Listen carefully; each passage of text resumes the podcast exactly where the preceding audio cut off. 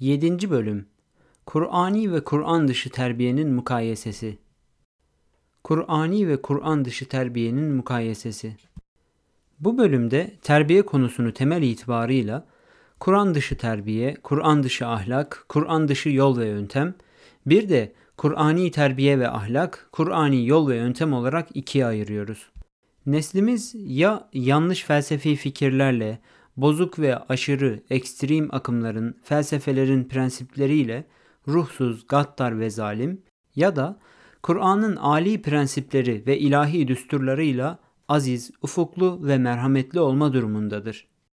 Doğrusu insanlar ne zaman Kur'an'dan uzak ve kendi tabiatlarıyla baş başa kalmışlarsa, zayıflara, acizlere, güçsüzlere karşı hep gaddar, zalim, merhametsiz davranmış ve onların sırtından geçinmiş, onları sömürmüş, onları hor hakir görmüş ve horlamış. Güçsüz ve zayıf düştüğü zaman da zillet göstermiş, ele tek öpmüş ve en küçük bir çıkar için iki büklüm olmuş yerlere kapanmıştır. Kur'an insanı nasıl ele alır, ferdi nasıl tanır ve tanıtır ve onun nasıl olmasını ister. Bu hususları işlerken Kur'an'ın Müslüman dediği kimsenin portresini çizmeye çalışacak ve konuyla ilgili bazı prensipleri sıralayacağız ki bu prensipleri benimseyen ve yaşayan ferde tam Müslüman, bu Müslümanların teşkil ettiği topluma da ideal toplum diyeceğiz. Ferdin fert olarak ve cemaatin bir rüknü olarak iki tür konumu söz konusudur. Her şeyden evvel cemiyetin salahının ferdin salahına bağlı olduğu açıktır. Öncelikle fert maddeten ve manen sağlıklı olmalıdır ki toplumda sıhhatli olabilsin. Ferdin sıhhati onun akidesinin sağlamlığı, ameli salihe bağlılığı ve muamelatının şer-i şerife uygunluğuyla ölçülür. 1. Kur'an dışı terbiye A. insanları firavunlaştırır. Kur'an dışı terbiye bugüne kadar görüldüğü şekliyle fertleri zilletleri içinde potansiyel bir firavun yapmıştır. Evet, firavunluğun iki yönü vardır. Bir yönü itibarıyla güçlü, kuvvetli olma durumu ki işte bu durumda o saldırgan, cebbar, zalim, hotfuruş ve bencildir. Diğer yönü itibarıyla zayıf ve iktidarsız olma halidir ki bu zaviyeden de o başkalarının ayağını öpecek kadar zelil, zavallı ve sefildir. Bediüzzaman'ın da buyurduğu gibi dünyevilik felsefesine bağlı biri aslında bir firavundur fakat menfaati için en önemsiz şeylere ibadet eden zelil bir firavundur. Hasis bir çıkar için şeytan gibi şahısların ayağını öpen deni bir muannittir. Kur'an terbiyesiyle yetişmiş bir ruha gelince o bir kuldur ama mahlukatın en büyüğüne karşı dahi ibadete tenezzül etmeyen aziz bir kuldur. Bu durum sadece Hz. Musa'nın karşısındaki Firavun için değil, tarihteki bütün Firavun meşreplerin ortak vasfıdır. Bu kabil Firavunların en mebzul olduğu çağ da bu çağ olsa gerek.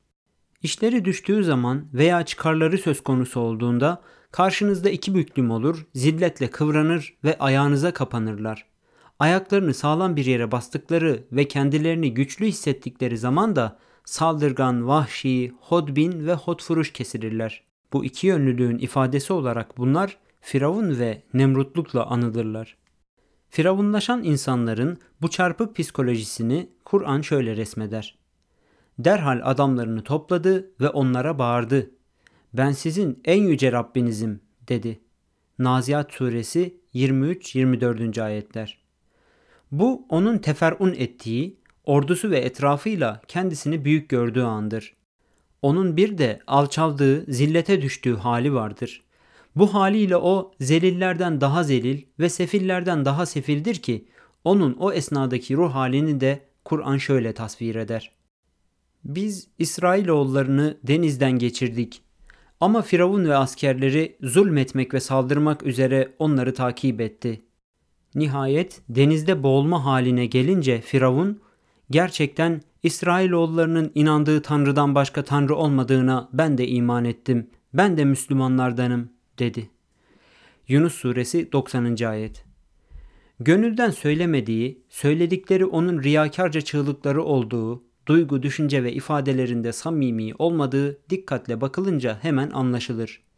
İhtimal eğer o anda olsun doğruyu söyleyip istikamet içinde hissiyatını ifade etseydi Allah Celle Celaluhu onun imanını kabul edebilirdi. samimi olmadığı ve sıkıştığından ötürü dua ve yöneliş adına Allah bu can hıraş çığlıkları kabul buyurmamıştı. İşte bu tipik bir firavunluktur. Günümüzde yüzlercesiyle karşılaşırsınız bunların. Makam ve mansıpları adına kapınıza kadar gelir, ele tek öperler, işleri bitince de çeker giderler. Gider de sizi nesyen mensiyya vefasızlığına mahkum ederler. Doğrusu siz her zaman bu tür insanların sizin milli problemleriniz, dininiz, imanınız, diyanetiniz ve neslinizin terbiyesi gibi konularda hiç mi hiç çabada bulunmadıklarını ve sadece göz boyama nevinden sizi aldatmaya çalıştıklarını acı acı müşahede eder ve bunlardan tiksinirsiniz. Kur'an dışı terbiyenin terbiyezedeleri belki bütün hususiyetleriyle firavun değillerdir. Biz de işin bu yanını nazara alarak hassas ve titiz davranıp bu tür hareketlere firavun ahlakı demekle iktifa ediyoruz. Bazen bir müminde firavun ahlakı, bir kafirde de Musa ahlakı bulunabilir. Müminde firavun ahlakı temadi edip giderse o mümin Allah Celle Celaluhu muhafaza buyursun neticede firavunlaşabilir. Ahlakı hamideden Musa ahlakına sahip bir insan da neticede belki bir gün Hz. Musa yörüngesinde seyahat edecek duruma gelebilir.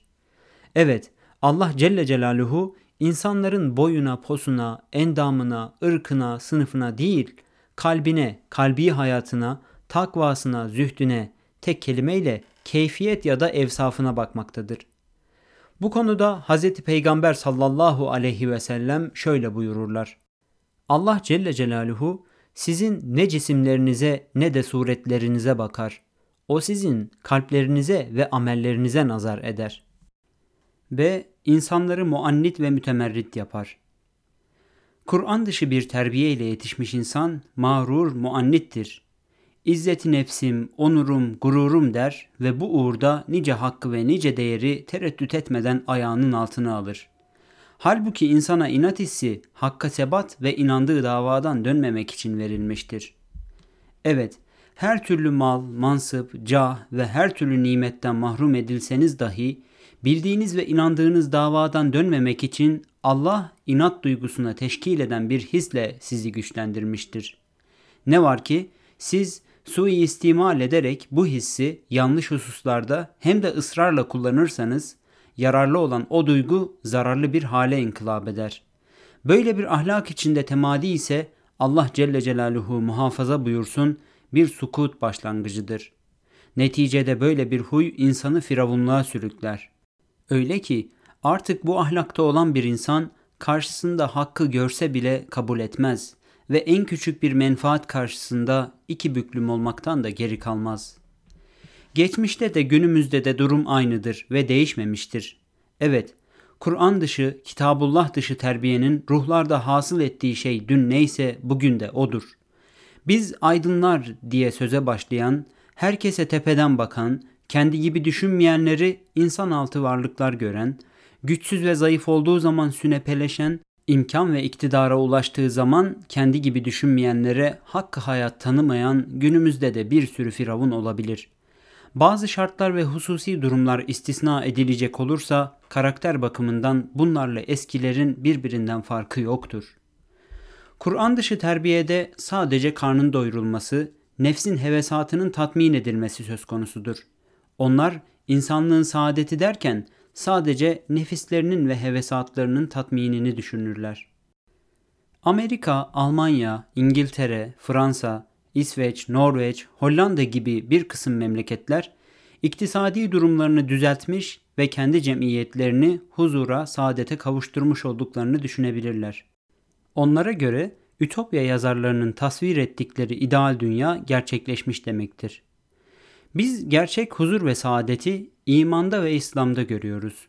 Onlar ise huzur ve saadetin ekonomik durumun mükemmeliyeti ve iktisadi bütün problemlerin giderilmesine bağladıklarından mutluluğu maddi refahın neticesi olarak görmektedir.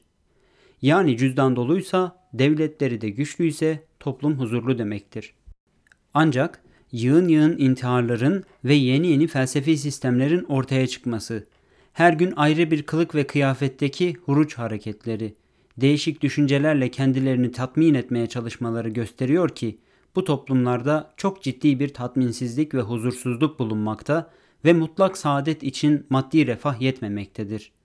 Buna avuntu felsefesi de diyebiliriz ki iyi yer iyi giyerse o mesuttur, bahtiyardır. Zaten bu felsefe karnını doyurmayı, hevesat-ı nefsaniyeyi tatmin etmeyi ferdin gayesi olarak görmektedir. C. Hedefi menfaattir. Kur'an dışı terbiyenin hedefi menfaattir. Bütün mücadelenin esası başka değil menfaattir. Bir iş yaptığınızda bu işin sonucunda maddi olarak ne elde edeceksiniz sorusu hep bu gibi kimselerden gelir. Yine bunlar her şeye maddiyatçı bir gözle baktıklarından şimdiye kadar namaz kıldınız da devlet mi yükseldi, oruç tuttunuz da millet refaha mı kavuştu derler. İşte bu mentalitedeki kimseler hiçbir zaman hak ve hakikat adına konuşan, imanın, Kur'an'ın müdafasını yapan birini hazmedemezler veya anlayamazlar. Buna da isterseniz Kur'an dışı olmanın kabalığı diyebilirsiniz. D. Hayatları mücadele, diyalektik ve demagojiye dayalıdır. Menfaatin en önemli özelliği her arzuya kafi gelmediğinden o uğurda boğuşmasıdır. Hedefi menfaat olan her toplum mevcut menfaatler bütün arzulara kafi gelmediği için ardı arkası gelmeyen müteselsil boğuşmalara, vuruşmalara sebebiyet verir.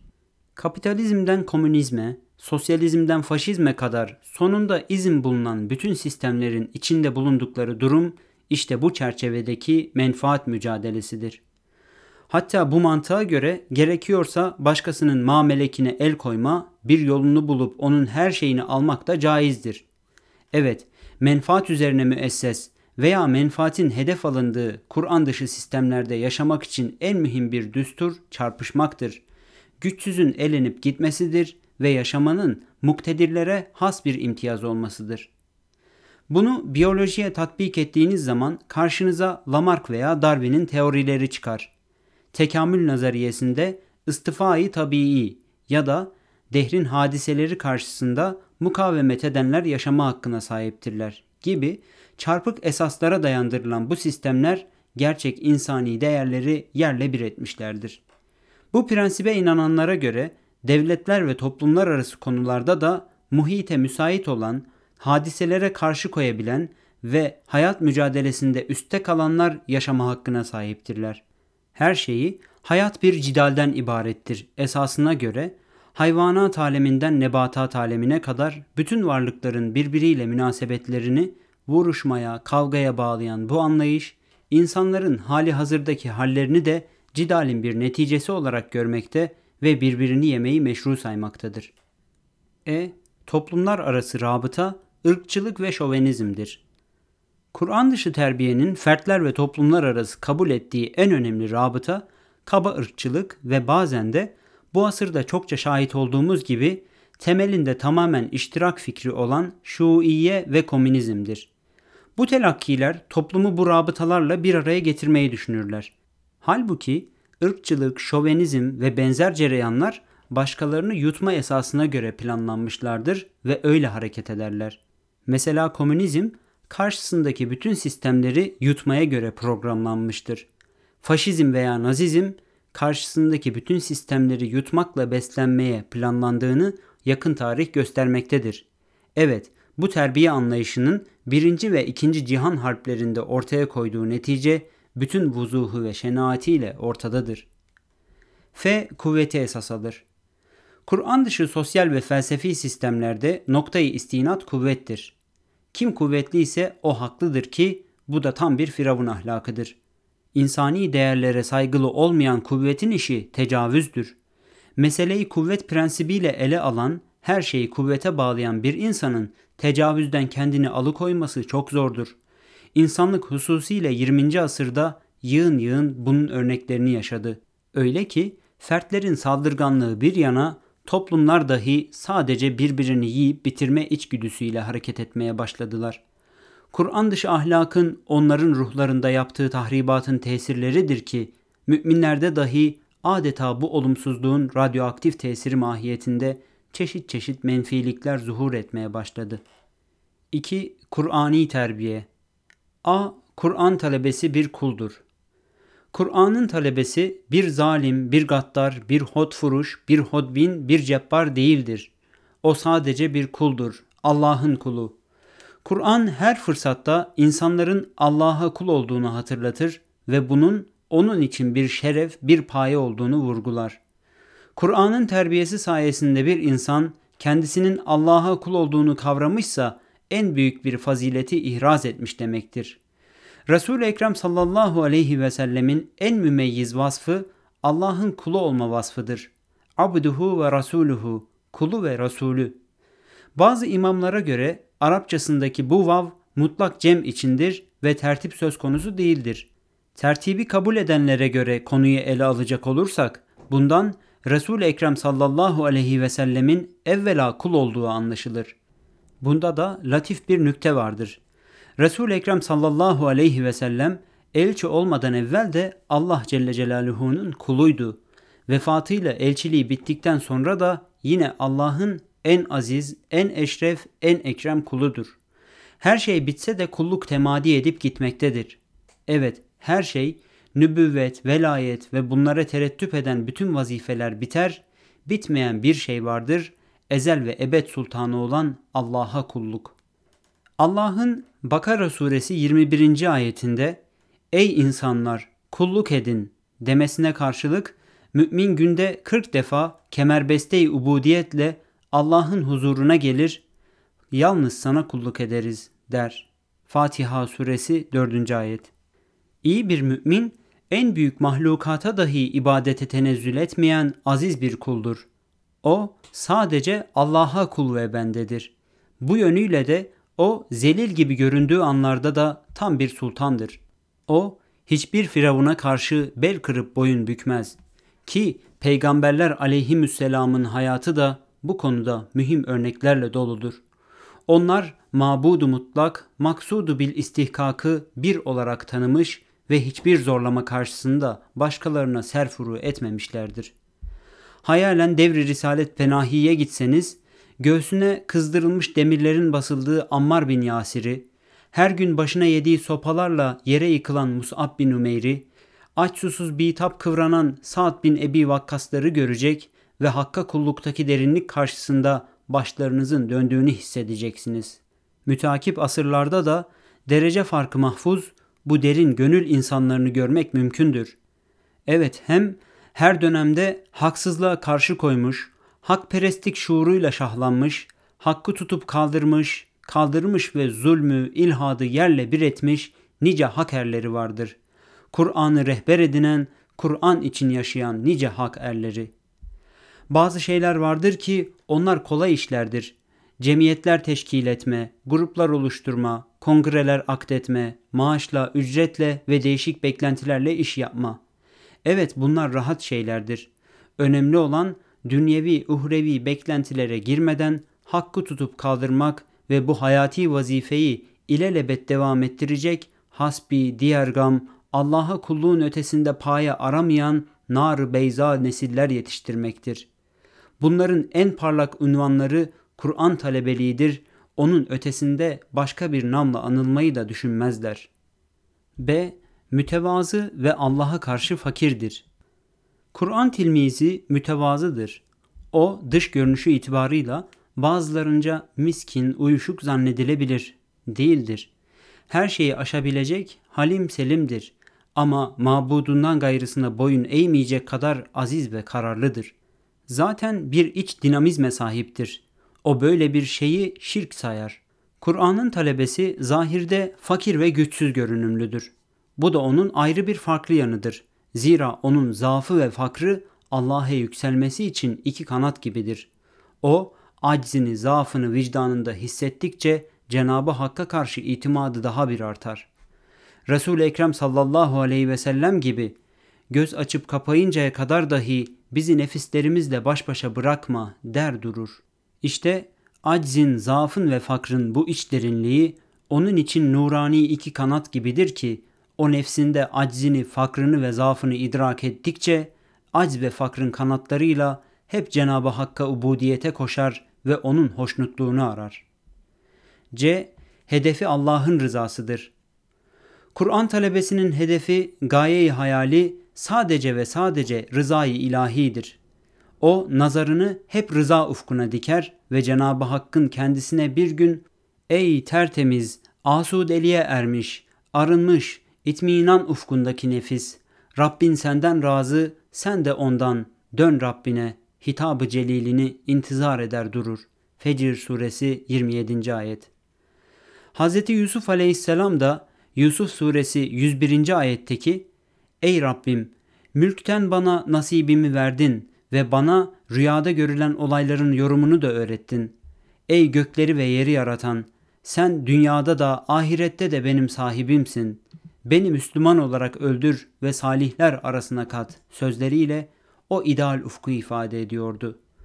Mısır'da mualla bir mevki ihraz etmiş. Senelerden beri ağlıya ağlıya bitap düşmüş, Dilhun babasının gözyaşları dinmiş, kendisine kötülük yapan kardeşleri gelip onunla aynı çizgiye ulaşmış ve maddi manevi huzurda şahikalarda dolaştığı bir anda Allah'a yapmış olduğu bu teveccüh üzerinde dikkatle durulması gereken önemli bir husustur.